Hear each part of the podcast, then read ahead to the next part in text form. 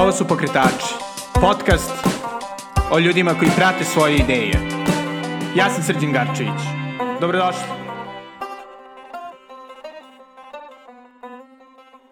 Dobrodošli u novu epizodu Pokretača. Kako je ovo prva epizoda u 2018. i srećna nova godina.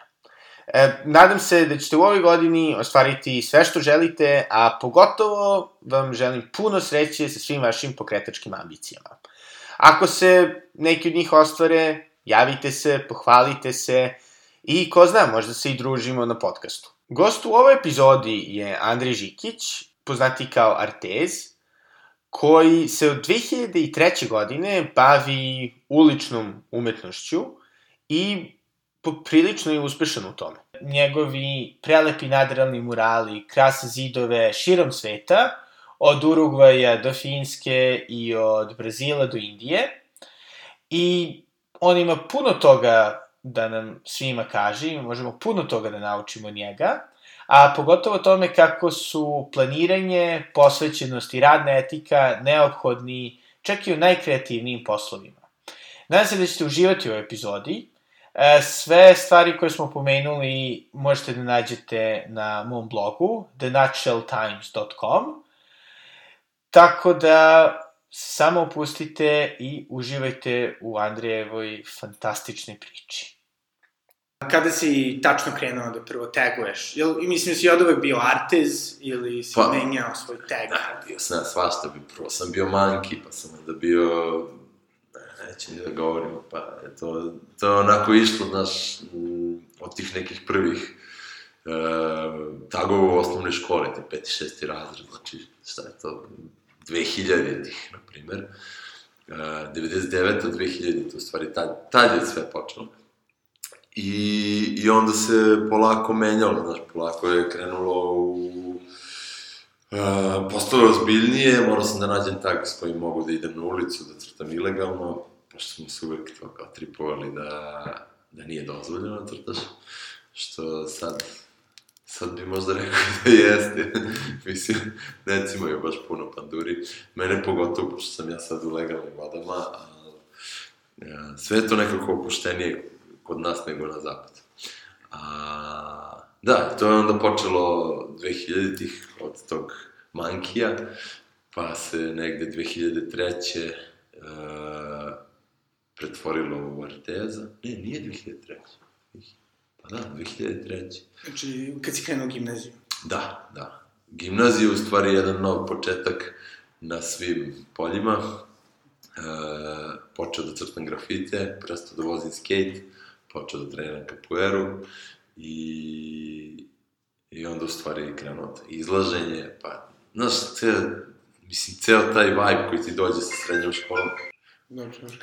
Cool. Znači onda, ono, kreće, kreće gimnazija, kreću ozbiljniji grafiti, šta bi rekao da ti je ono kao tvoje prvo delo koji dalje možemo da vidimo u Beogradu? Mislim da, da nije tag, da je... Pa ima toga dosta. Mislim, 14. gimnazija je puna mojih grafita i dalje. E, pa, to je, na primjer, grafit generacije koji sam uradio na kraju četvrte godine e, za moju generaciju. Zanimljivo za taj mural je što je pored ispisa generacija 88, e, u stvari u pozadini murala su ispisana imena svih učenika iz svih odeljenja koji su te godine maturirali. Mislim da nam je svima to jedna lepa uspomena na, na taj kraj gimnazije i, i kraj jednog lepog poglavlja i početak nečeg sledećeg. Da. I onda si upisao arhitekturu, jel si da. nekako, kada si upisao arhitekturu, jel si očekivao da ćeš da se baviš street artom. Znaš šta, mene su roditelji onako dosta mudro i taktički navukli na arhitekturu. Moj impuls je bio da odem na likovnu akademiju ili na primjenjene umetnosti, uh, a moji su rekli, pa šta ćeš s tim, da, da budeš slikar u Srbiji, mislim, to onako, budi ako voliš, ali to ti ne treba fakultet, mislim, idi završi građevinu ili nešto, pošto tata bio građevinac.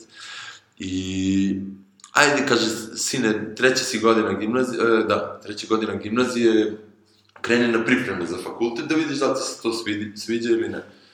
Ja krenem, i to vreme za prijemni m, bilo potrebno da se uh, polaže crtanje i između ostalog. Crtanje u stvari nosilo najveći broj bodova i negde ja krenem na te pripreme da bi mogao uopšte da probam da, da upišem arhitekturu i navučem se na crtanje, zato što je ono što smo mi učili na pripremama i ono što su učili na fakultetu bilo totalno različito. Znači, ja sam proveo treću godinu, pa zatim i četvrtu godinu gimnaziju, ide, idući na pripreme, gde sam, ono, subota, nedelja, četiri sata, samo crtao. Znači, učio perspektivu, senčenje, crtanje e, mrtve prirode, žive prirode, ljudi, ovoga, onoga, izmišljenih scena, sve što mi smo crtali, znači, treća, četvrta godina sam ja, nisam izbio iz atelja. Meni je to bilo ono kao, wow, ja ovo hoću da radim. I onda upišeš fakultet, te studije su stvarno bile onako i lepe interesantne, jedino što nije bilo dosta crtanja.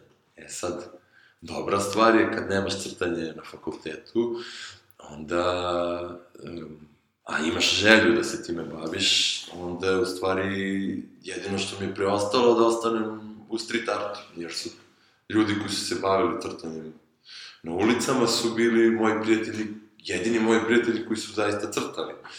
E, tako da nekako sam ja da bi ostao sa tim crtanjem, ostao i u svetu ulične umetnosti i vremenom je to prešlo od grafita. E, mislim da taj prelaz sa grafita na, na nešto drugo bio u stvari trenutak gde sam ja dozvolio sebi da napred, da jednostavno m, istražim nešto novo, neke nove teme, neke nove medijume uh, i da, da u stvari napravim da mi to ostane zanimljivo. A kako, kako se tačno desio taj, taj prelaz? Postoji jedan... Pa znaš kako, grafiti su umetnost uh, ispisivanja slova. Znači ti, poenta grafita je da napišeš reč. Uh, šta je fora? Svi grafiti umetnici biraju jednu reč koju, koju ispisuju i, i onda vremenom je menjaju, ali ti sad imaš taj period gde, ne znam, imaš Hope-a, na primjer, Hope, piše Hope već, ne znam, koliko godina, vjerojatno dve decenije, znaš, sad njemu nije dosadilo, imaš druge crtače koji su menjali svoje tagove, ono, jednostavno, ljudi, e, kada im reč dosadi, dobiju želju da je promene. E sad, ja nekako nisam želeo nikad, jesam u početku menjao, ali kad se jednom taj tak artez uh, ustalio, nisam imao želju da ga menjam, on mi je nekako prirastao srcu i sad je krenulo to istraživanje forme, kompozicije, različitih tipova slova, uh, različitih stilova, znači pokušaj da napravim neki svoj stil, uh, kroz tu jednu reč. I to je posle nekog vremena postalo dosadno, mislim, mm, mene to nije vozilo, znaš, mene nije vozilo da budem grafiti crtač. Bilo mi je zanimljivo, bilo mi je, ceo taj eksperiment je bio super, ali mm, jednostavno je ono počelo da me guši. I onda sam krenuo da ubacujem, uh, a da, zašto je počelo da me guši? Počelo da me guši zato što sam ja kroz te pripreme arhitekture u stvari naučio crtam, znači naučio sam da mogu da natrtam sve što vidim. I sad imaš tu razliku, znaš, crtaš grafit, crtaš nešto što ne vidiš, nešto što zamišljaš, isprobavaš da skiciraš i onda to prenosiš na zid. A s druge strane, ja imam to znanje da mogu da nacrtam sve što vidim. Znači, vidim eh, TA peć, nacrtam, vidim mikrofon, nacrtam, vidim čoveka, nacrtam. I onda sam uh, krenuo polako da ubacujem karakter, jer to ti je jedna onako uh, strana grafiti kulture koja je u jednom trenutku se i razvila kao zasebna grana, da, da u stvari imaš ljude koji se specializuju za crtanje karaktera. Tako da sam ja... Karaktera kao, kao ličnosti. Liko, da. Uh, malih, ne znam, počneš od nekih ilustracija, ne znam, uh, prvo šta je prvo što sam crtao je bio onaj tweet i uh, ptičica, ona mala žuta, znaš.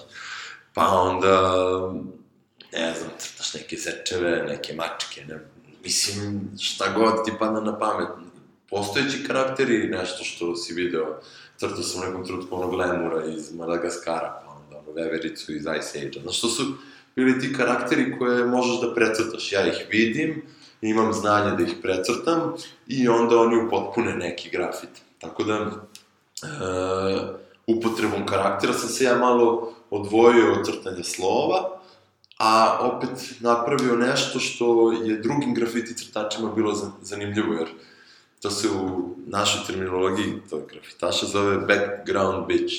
Znači, background bitch je lik koji crta pozadinu i crta karaktere i crta sve te stvari koje su oko samog grafita.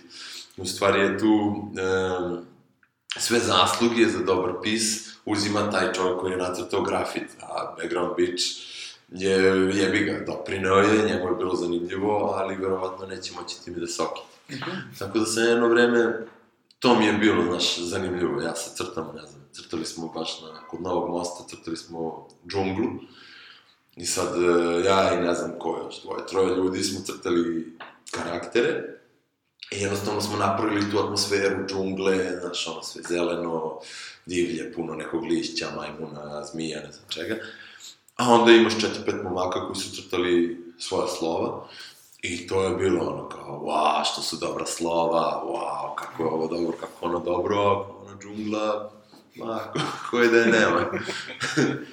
Tako da, da, ali meni je bilo zabavno, mislim, i stvarno sam imao priliku da sarađujem sa mnogo talentovnih ljudi, da doprinesem njihovom radu da odskoči, a da ja za sebe naučim nešto što mi je kasnije koristilo. Da, i onda, i kako je došlo do evolucije, ono, Tweetije i Veverice i Lemure, do, ono, prelepih, ono, devojaka, uglavnom, nekako, ne znam, da. to mi je uvek ona asocijacija, kada mislim, tvoje... Pa, znaš šta, e, svako crta ono što voli. šta najviše voliš, što crtaš. Tako da, volao sam crtače, a onda sam malo porastao, pa sam počeo volim žene. To je prvo devojčice, pa žene. ne, šalim se. E, crtanje ženskog lika je izazov. Jako veliki izazov, zato što e, mnogo veći izazov nego, na primjer, da crtaš nekog starog čoveka. Zašto? Zato što žensko lice i muško mlado lice imaju, e, ima zategnutu kožu. I zategnuta koža ti u stvari otežava zato što su kontrasti mnogo manji. Znači, ti, da bi napravio lice, da, da bi ga naslikao da izgleda mlado, da izgleda mm, nekako poželjno i zategnuto, moraš da, da balansiraš na toj jako pipovoj liniji e, kontrasta. I mene to uvek fasciniralo, znaš, kao, kako neko može da nacrta ženu, da ona izgleda lepo, da ne bude sad kao ti vidiš da je to žena, ali jebi ga izgleda kao da je ono, neka babaroga. I, I u stvari me to dosta vuklo da, da jednostavno sve više i više u tome nalazim izazov. To je nešto sa čim se ja i dalje borim, i dalje je izazov, i dalje nije lako, naravno sad e, imam različite tehnike, pristupe, jednostavno to, imam ja sad svoju neku metodologiju kako do toga dolazim, ali to je došlo sa vremenom, sa jako puno rada. Tako da, e, ono što sam prvo radio, ti neki jednostavni karakteri su u stvari bili kao neke male vežbe, gde jednostavno upoznaješ se sa alatom, ne znam, sa sprejem, pa sad upoznaješ se sa tim da, da treba nekako da napraviš dubinu u svemu tome, pa sad, znaš kako to radiš. Sad, najlakše je početi od nekih karaktera koji su, ono, Tweety, nešto što Mickey Mouse, ne, nešto što dobro znaš i možeš da vidiš što je možda u, u različitim bojama, što možda i nema senku a onda kasnije u stvari dodaješ sloj po sloj da bi na kraju došlo do, do trenutka da možeš da, da crtaš zaista ono što te inspiriše. Da. Da i, i onda ono, u kom trenutku si nekako odlučio, ok, želim da ono, probam da, da se aktivno bavim kao street artom, u smislu, pravit ću murale. Da. To je moj poziv. Mm, do kraja osnovnih studija arhitekture, znači do, to je 2010. godine, su grafiti, murali, crtanje bili nekako pa jedan lep hobi koji mi je donosio malo novca s vremena na vreme, e, puno satisfakcije. A onda sam 2010. prvi put e, počeo da, da crtam fotorealne stvari. Znači 2010. 2011. I mislim da je taj trenutak kad sam počeo da, da crtam fotorealizam, u stvari trenutak gde, gde sam shvatio kao, ej, pa čekaj, ovo može da, da bude i ozbiljna profesija. Mislim, kada u stvari shvatiš da si sposoban da nacrtaš nešto e, što drugim ljudima nije jasno kako si nacrtao, to je trenutak gde kažeš, aha, pa ja, ja stvarno možda radim nešto što, što nije, što ne može svako. I, I onda se zapitaš, znaš, ja sam studirao i bio sam ja dobar student, ložio sam se na arhitekturu, lepo je meni to išlo, znaš, verovatno bi to u nekom dobrom pravcu krenulo, ali sam bio svestan da je bilo mnogo talentovanijih studenta od mene. Znači, ne znam, Sanja Milano, moja dobra drugarica, znaš i ti, e, mislim, jednostavno, kada ona sedne i nacrta crtež za sat vremena, i ja sednem i pogledam crtež na kom sam radio dve, dva dana, razumeš, po 12 sati, ono, skapiraš da jebi ga, nima tu nešto i u talentu, mislim, neko je jednostavno m, toliko talentovan i toliko razume to bolje nego ja, da ono, zašto bi se ja gurao negde da mi nije ne znam. Uglavnom, ja sam 2010. to skapirao, 2011. sam otišao na praksu u Indiju. Studentska praksa, pet meseci u Indiji.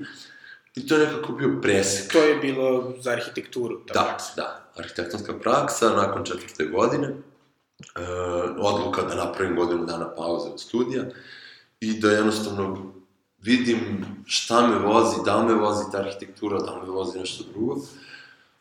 Uglavnom, ono što me je najviše e, držalo na tom putovanju, jer, mislim, putovanje u Indiju na pet meseci je jedna velika promena. Znači, cijelo način života koji sam ja do tada imao, a to je non stop okružen ljudima, non stop žurke, non stop crtanje, non stop fakultet, non stop obveza, sad odjednom ti je preko noći neko to ocekao i to je sad odjednom, ne znam, 2000 km udaljeno, a ti si okružen sa, ne znam, 20 ljudi koje ne poznaješ iz celog sveta, radiš neki posao koji nikad nisi ranije radio, ja sam radio neku analizu nekog sela malog indijskog, urbanističku analizu.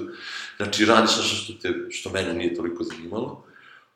I onda, u stvari, i, i putuješ, naravno, i onda kreneš da razmišljaš kao, ok, šta ja hoću, šta mi je zanimljivo, šta mi nije zanimljivo. I znam da je, mm, da sam jedno mesec, mesec i po dana sam ja pokušavao da, da pronađem sprej u Indiji da kupim. Oni nisu imali te sprejeve koje mi ovde koristimo za crtanje, to je kod njih došlo dosta kasnije i to je došlo u velike gradove. U tom malom gradu u kom sam ja bio, sprej nije postojao. Znači, ja sam onda, gde god sam putovao, pored obilaženja znamenoti, znamenitosti, pored obilaženja predivne prirode koja, koja jednostavno je na, u izobilju u Indiji, uh, ja sam uvek odvajao barem sat, dva, da probam da nađem sprej. I to ti onda nešto govori, znaš. Nisam odvojio sat, dva da, on, da slikam, fotografišem zgrade. Ili da skiciram, ne znam, uh, Ulice. mostove ili ulice, šta god. Nego sam svaki put odvojio sat, dva da crtam svoj mali street art u, u sveščicu i svaki put sam odvojio sat, dva da, da tražim sprej, znaš. I, I onda u stvari to, to je meni reklo puno o tome šta ja zapravo želim. Tako da sam ja u Indiji u jednom trenutku napravio, doneo odluku da, da ću probati da se bavim street artom e, čim završim fakultet. Znači, to sam rekao, e, okej, okay, sad kad se vratiš, imaš, ne znam, još pet meseci, šest do početka sledeće godine i tvoje je da zapneš, da probaš da nešto napraviš sa, sa tim, ono, street artom, da pokreneš i da, da onda uz to završavanje studija napraviš neku poziciju na sceni, da bi mogao sebi kasnije da otvoriš vrata za, za nešto drugo. Tako da, I kako je izgledalo to probijanje u svetu street arta? pa to je zanimljivo, mislim, zanimljivo je kad, e, kad imaš plan. Jer dosta ljudi onako m, pristupi tome bez plana i onda, i onda u stvari ne dobiju nikakve rezultate ili rezultati koje dobiju, dobiju posle jako puno vremena. Ja sam imao plan. Plan je bio, ok, uh, za mene u Beogradu ne znaju svi. Zna, zna neko, ali ne znaju svi. Ako hoću da idem van Srbije, prvo što moram da uradim je da osvojim, po znacima navodnika, Beograd. Kako ću to da uradim? To ću da uradim tako što ću da budem background bitch. znači, vratit ću se i crtat ću sa svima, probat ću crtam sa svima s kojima mogu da crtam.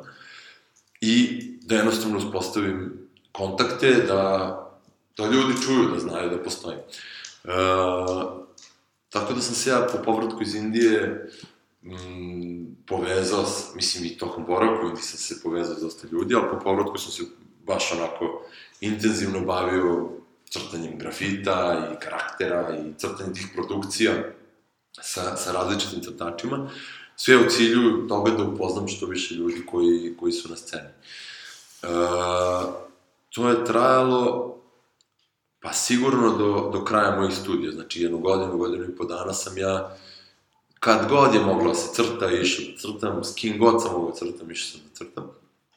I Uh, između ostalog sam se trudio da organizujem što više festivala, manifestacija i svega. Znači sve što sam ja nekako mogao da, da, da pokrenem, da, da doprinesem sceni, da, da, da ono, uložim neki trud i energiju, a da za uzvrat dobijem priliku da crtam sa drugima, da crtam sam, da dovedem strance, sve sam to ono probao da iskoristim. I do 2013. se pročulo, znači, znalo se da, da ja crtam. E sad, tu je ono, ti otvoriš vrata nekome da crta na tvom projektu, onda će te on zvati na sledeći projekat, e, koji on organizuje. E, vide ljudi da crtaš sa, sa prepoznatim crtačima, onda će te zvati na festival koji organizuje. Tako da to sve vuklo jedno drugo, znaš. E, da, sve u cilju toga da ja dobijem sve više i više uh, zidova i materijala. Što više crtaš, to više imaš materijala za socijalne medije, što si aktivniji na socijalnim medijima, to više ljudi čuje za tebe, što više ljudi čuje za tebe, to imaš više prilike da crtaš, što za svoju dušu, što za, za lov. I to je nekako onako jedno jedna priča koju sam ja, jedan talas koji sam ja uzirkao i krenuo da, da, da vozim. Uh, I to je onako jedno, jedno poglavlje kao i od Indije do kraja fakulteta. E, kad sam završio fakultet, uh, onda je bilo pitanje, aha, da li sad idem na, da se bavim arhitekturom ili nastavljam sa ovim. Ja sam tu prilično hrabro dao sebi, znači sad sam imao 25 godina, dao sam sebi dve godine i rekao, aj sad, dve godine imaš da vidiš da li ima nešto od ovog street arta ili, ili da ideš nekim drugim pravcem. E, znači, to sam donao odluku da ću time da se bavim i onda sam odlučio da e, odem u Brazil na tri meseca. I to je onako bilo jedno egzotično putovanje koje mi otvorilo mnoga vrata Uh, I krenuli su polako poziv na festivale i onda su u stvari sve, sve to krenulo, znaš, polako da se razvija do, do, da eskalira jednostavno do trenutka da sam ja sa 27 godina rekao, ok, da li da idem na arhitekturu ili da nastavim sa ovim, pogledao šta moji prijatelji koji su u tom trenutku već dve do tri godine uh, imali prilike da, da uspostave nešto, video da je ovo što ja radim uh, dosta intenzivnije, dinamičnije, financijski možda mm, ne toliko e, stabilno u svakom trenutku, ali nije ni da sam, da nisam imao čega da živim. I jednostavno sam rešio, ok, ajde, sad do 27, da probam do 30, pa ću da pravim novu odluku. Evo, sad se 30. rođendan bliži. znači, ono, još par meseci pa onda. Da, još par meseci pa da vidim šta mi je dalje činiti. Da, i ono što meni baš, baš impresivno kod tebe je zato što, mislim, bukvalno tvoja, ono, e, tvoja umetnost je od Indije do, ne znam, Južne Amerike, sada ideš na Tajvan. Da. Kako si uspeo da se nekako etabliraš na tom ono, globalnom planu? Kako to uopšte izgleda? Jel, ono, imaš kao festival ili se neko pozove, e, ajde dođi, naslikaj mural? Pa da, e, sve, ja mislim, počinje od socijalne, socijalnih medija.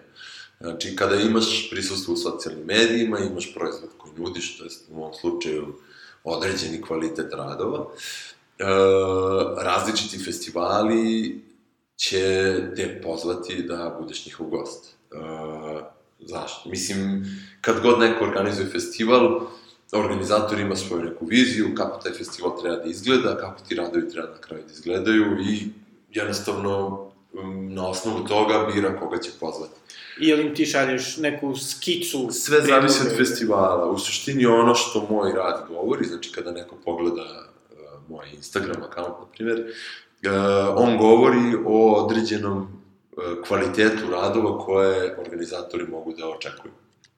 I to je ono najbitnija stvar. Znači, ta, taj portfolio koji ja nudim, uh, njima garantuje da će, ukoliko me pozovu, dobiti nešto od toga. Znači, nešto u tom nivou. Sad, da li se mi dogovaramo oko skice ili ne, da li je skica apsolutno na meni ili je potrebno ispoštovati nešto, to je sad već stvar dogovora, ali činjenica je da mm, jednostavno taj portfolio je ono što te proda. Znači, kad imaš dobar portfolio, kad si konstantno prisutan na sceni, dobijaš i priliku da sarađuješ sa različitim festivalima koji imaju u interesu da to što ti nudiš uh, postane deo njihove vizije. A je li to uglavnom ono, da kažem, push ili pull faktor? Da li ono, organizator festivala ide po, ne znam, profilima ljudi, onda ih on zove ili uvek kao apliciraš? E, zavisi opet. Naprimer, zanimljivo je e, šta rade ljudi iz dosta ljudi iz Južne Amerike koji dolaze u Evropu. Oni dođu, naprave spisak e, festivala, organizacija ovih onih e, sa kojima bi voleli da sarađuju, e, negde u januaru, znači kada je ovde u Evropi nije sezona, e, šalju svoj portfolio i kažu, e, mi smo kupili kartu od, ne znam, 10. aprila do 10. septembra, bit ćemo u Evropi, jako bismo voleli da sarađujemo sa vama na projektu.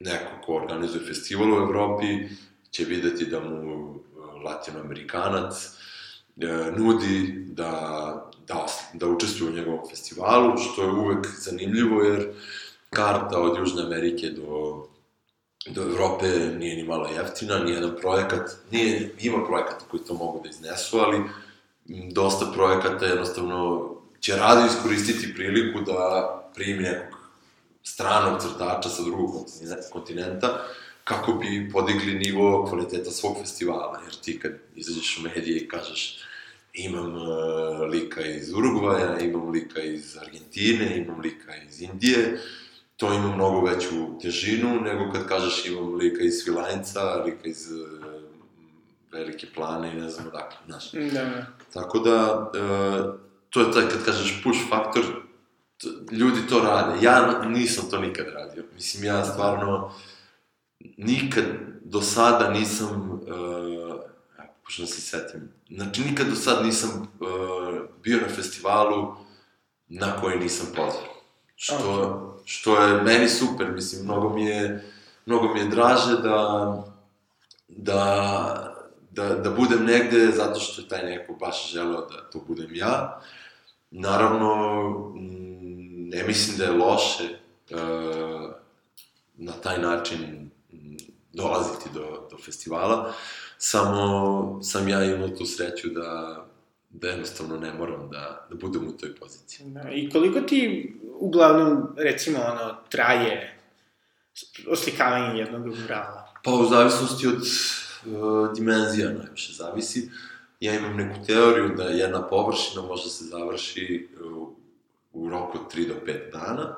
Do sad me ta teorija nije izdala. Uh, naravno pod uslovom da su vremenski uslovi odgovarajući i da, da jednostavno te posluži vreme, znaš, da ne, pada, ne pada kiša ili sneg ili da, da ne bude neka sna, strašna vrućina i sunce. I znači odeš ono neko, ono, zanimljiv egzotični lokal kao što je Indija ili, ili Brazil i onda za 3 do 5 dana ono, napraviš Da. nešto fantastično što tu stoji. Pa da, ajde kažemo, za nedelju dana može da se završi. Opet zavisi od dimenzija, ali ideja je u stvari da, da se ne zadržavamo previše na, na, na, na jednom zidu, zato što umetnici imaju tendenciju da nacrtaju nešto, pa onda nisu zadovoljni, pa onda nešto promene, pa nisu zadovoljni, pa nešto promene, pa nisu zadovoljni, pa nešto promene, a u stvari kad se vrate nazad, možda je onaj prvi i bio najbolji.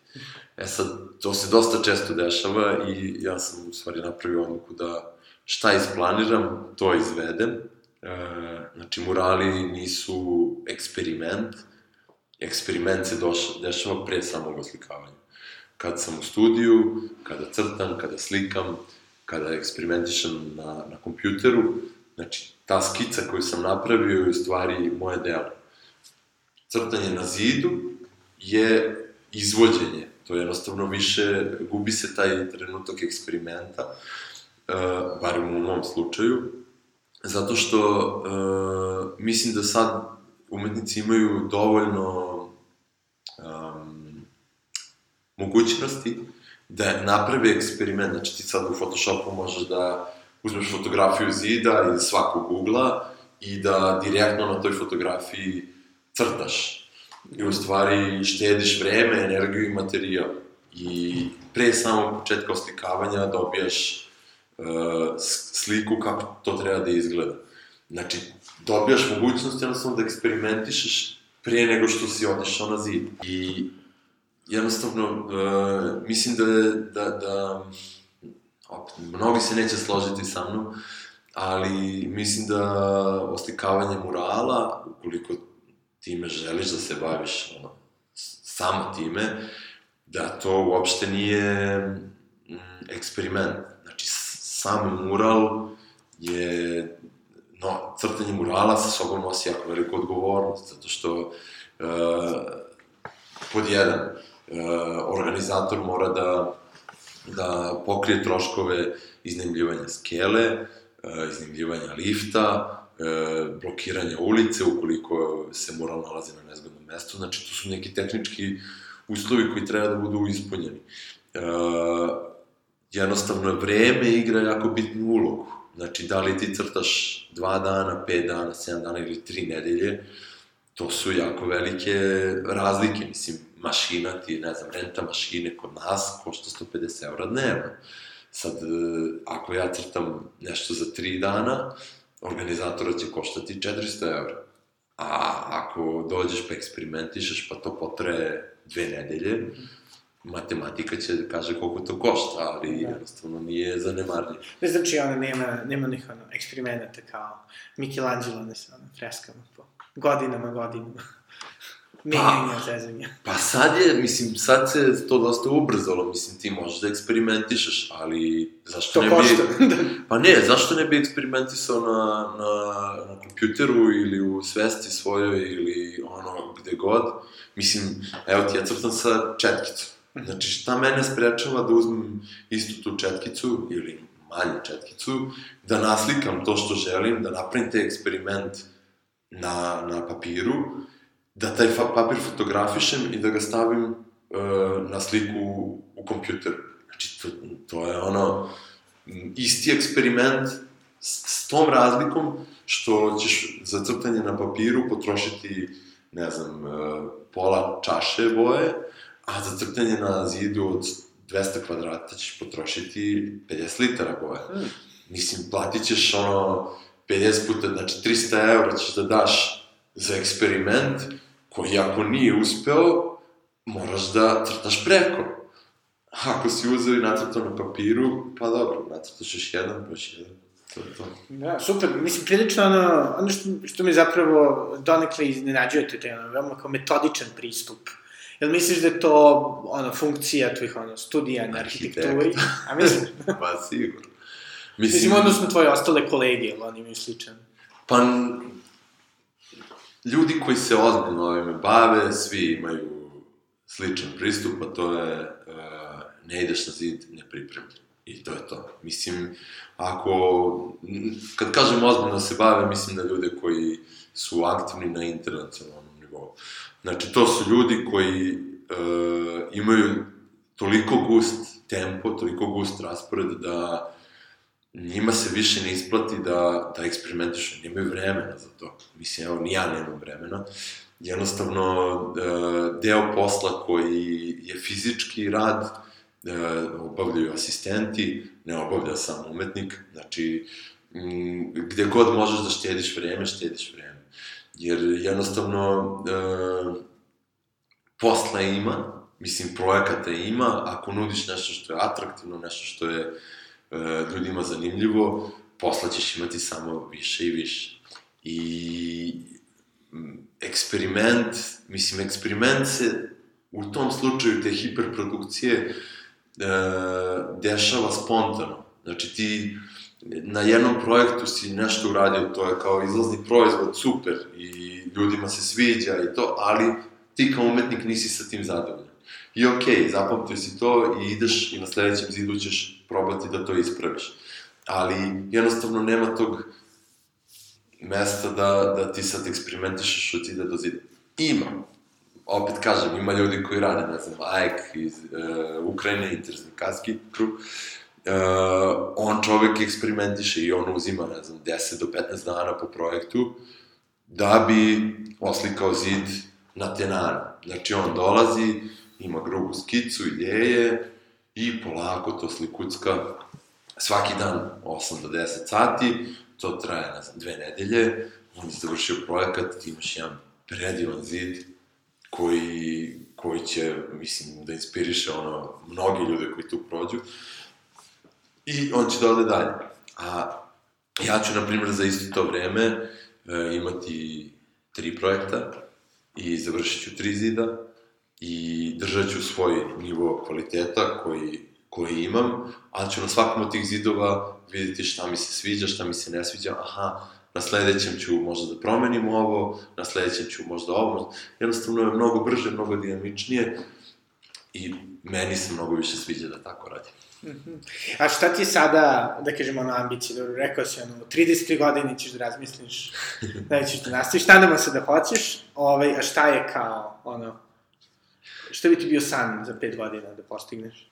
Pa, znaš šta, meni se sad malo fokus malo uh, prebacuje sa velikih formata na manje formate, znači na platna, na, na printove, malo se u stvari prebacuje na, na studio i na, na taj rad u zatvorenom prostoru. E, zato što mislim da je to mm, to je nešto š, na čemu ja sad moram da krenem da radim, da bi za 15 godina mogao da se bavim samo time.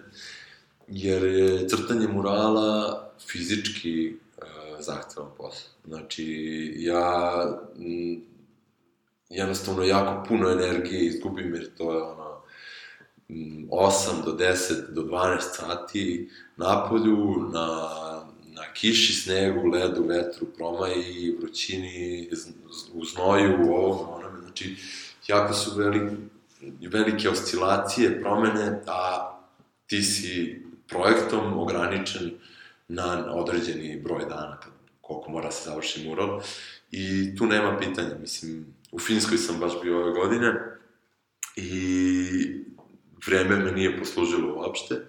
Imao sam zid koji je visok 20 i nešto metara, e, mašinu koja strela je ona kada se izvuče skroz e, do kraja je, na primjer, 24-5 metara kad ide po dijagonali, možda i do 30 metara ide.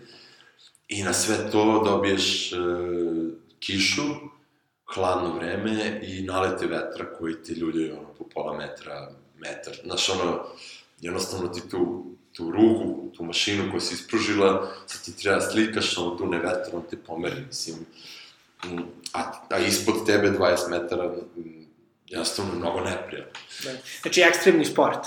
Ekstremni sport, da. E sad, ja ne želim da se, ne znam, imao sam, crtao sam na skeli od bambusa u, u Indiji prošle godine, na 45 stepeni, isto, ono, imaš rok do kad moraš da završiš, jer imaš avionski let za, za, za sledeći projekat. jednostavno su to uslovi koji, koji su ekstremni i mislim da, ma koliko ja želeo da se time bavim sa 40-50 godina, to neću moći. Tako da sad ili ću da, da uspem da se polako prebacim na taj studijski uh, posao, uh, to je na, na jednostavno slikanje manjih formata, ili ću morati da menjam struku. Trenutno, koje, koju tri umetnika bi preporučio za ljude koji su zainteresovani za street art da, da overe? Da, pa na prvom mestu moj omiljeni Ariz iz Španije. Uh, to je stvarno čovek koji je koji već godinama, moje godište, a evo već godinama pomera granice svetskih standarda i ono, sa čim god izađe i da uvek je sveže i novo i originalno. Onako, ne znam, stvarno ludilo. Uh, onda Bills, Alessandro Fato, to je portugalac koji, kom se ja divim zato što je u stvari napravio uh, od procesa jednog svoj zaštitni znak. Uh, on je čovjek koji slika bušilicom, uh. znači uh, svi njegovi radovi su u stvari kao reljefi, uh -huh. zato što portreti koje pravi nastaju uz pomoću čekića i dleta, bušilica, burgija, dinamita u nekim slučajevima, tako da... Malo teško da ukrasi stan. Da. uh, mora traži građevinsku dozvolu ako hoćeš da ti ovo nešto to... Uh, I treći, treći, koga bi stavio za treće? Znaš šta, ima, ima toliko ljudi, a voleo bi da izdvojim nekog ko je, ko je po nečemu specijalan. Dobro, dobro, dobro, okej, okay, i, i ove dvojice su fantastični. E, isto primetio sam ovaj, da si skoro krenuo na, na društvenim medijima, na Instagramu, da, ima, da imaš jedan profil sa svojom Aha. devojkom o putovanjima. Da. E, pa, kako će ovo biti emitovano u zimu, Aha. Čisto mi interesuje, uzavšuje da sam puno putovao, jel ono, postoje, postoji par mesta za koje bih rekao, obavezno morate da idete tu, a da verovatno ljudi nisu čuli za njih. Znaš šta, ja mislim da, da nije to do mesta, to je do ljudi uh, i mislim da poruka nije obavezno treba vidjeti to, nego obavezno treba da putujete. Uh Mhm. -huh. Jer uh, dosta ljudi ne putuje, uh, za putovanje više nije potrebno puno novca, mislim sad stvarno postoje načini da se za jako malo para otputuje. Evo, mi smo skoro bili u Lećo u Italiji, karta iz Niša, povratna, do Milana je bila 25 eura po osobi. Znači, mislim, 25 eura da odeš do, u drugu zemlju, stvarno ništa to nije nego da odeš do Crne Gore. E, tako da to s druge strane postoji couchsurfing e, za one onako malo odvažnije, to je jedna platforma preko koje ljudi mogu da putuju besplatno. Znači, nađeš, e, nađeš hosta, nađeš osobu koja bi te primila kod sebe u kuću, stan, e, sobu i otputuješ za 25 eura, 30 eura low cost kompanijom kod nekog ko će te primiti za džabe, pokazati ti grad. E, ono što je nama tokom putovanja najveći utisak uvek ostavljalo su ljudi. Znači, mesto može da bude predivno, može da bude preružno, ako su ljudi super, uh, provod je zagarantovan. Da, i gde ste skoro imali cool, ono? Pa sad smo, sad smo se vratili, znači, bili smo Argentina, Urugvaj. Uh, u Urugvaju je, smo se našli sa prijateljem koji je ranije ove godine bio u Beogradu, Camilo Nunes, uh, poznati kao Take. I s njim smo proveli desetak dana u Urugvaju i stvarno nam je bilo, mislim, Urugvaj je, ne znam kako bi ga karakterisao. Nije, nije ono što ljudi kažu kad zamisle Južnu Ameriku, pa sad ti zamisliš Brazil, uh, uh, ono, palme i plažu. I imaju pa, plažu, naravno, ogromna peščana plaža, uh, možda klima nekako mediteranska. Mene je podsjetilo, kad bih rekao Urugvaj ti je kao neka mešavina Srbije, Hrvatske i malo neke Španije. Znaš, to tako ima neke... Sve najbolje iz Evrope. Pa da. to. Tako, tu nam je bilo super. Mislim, to je... Možda nam je bilo i super zato što nam je to bio prvi odmor ove godine. Sve ostalo su bila putovanja na projekt. A, da, da, da. Da. I, ove, I za kraj, kao što je tradicije, šta bi savjetovao nekome ko želi da, da se bavi street Street artom? Ili bilo kakvom umetnošću, šta, šta bi ti volao da si znao kad si počinjao? Pa, mm, na šta? Ja bih volao da znam, da sam znao koliko je bitno uh, u stvari ulagati svoj trud i energiju, uh, a bez, bez neke potrebe da, naravno, potreba za, za finansijskom dobiti uvek postoji, ali je volonterski rad nešto što otvara mnoga vrata. Znači, kroz e, to um, žrtvovanje sobstvene energije zarad e, ispunjavanja nečeg e, sna e, se daleko isplati. Jednostavno, volonteri, kogod je počeo od volontiranja, pre ili kasnije je našao e, svoj put da, da nešto napravi. Ja sam jako puno volontirao za vreme studija i, i, i dan danas volonterski radim e, sa našom organizacijom Street Smart Gallery. E, I jednostavno svaki od tih projekata e, koji nam nije donao finansijsku dobit, nam je doneo naredni projekat koji je donao finansijsku dobit. Mm. Tako da, e, radom i trudom se otvaraju mnoga vrata i eto, moj savjet je volontirajte. Super. Hvala puno Hvala i tebi. puno sreće sa svim projektima. Nadam se da ćeš odlučiti u 30 da nastaviš da se baviš. Hvala. Hvala. I to je bio Andrej Žikić, poznati kao Artez. Nadam se da se epizoda svidela. Ako jeste, molim vas podelite na društvenim mrežama. E, ako vam ovo nije bilo dovoljno pokretača, možete da poslušate stare epizode na Soundcloudu, Stitcheru, iTunesu, TuneInu, ali od skora i na YouTubeu. Doviđenja.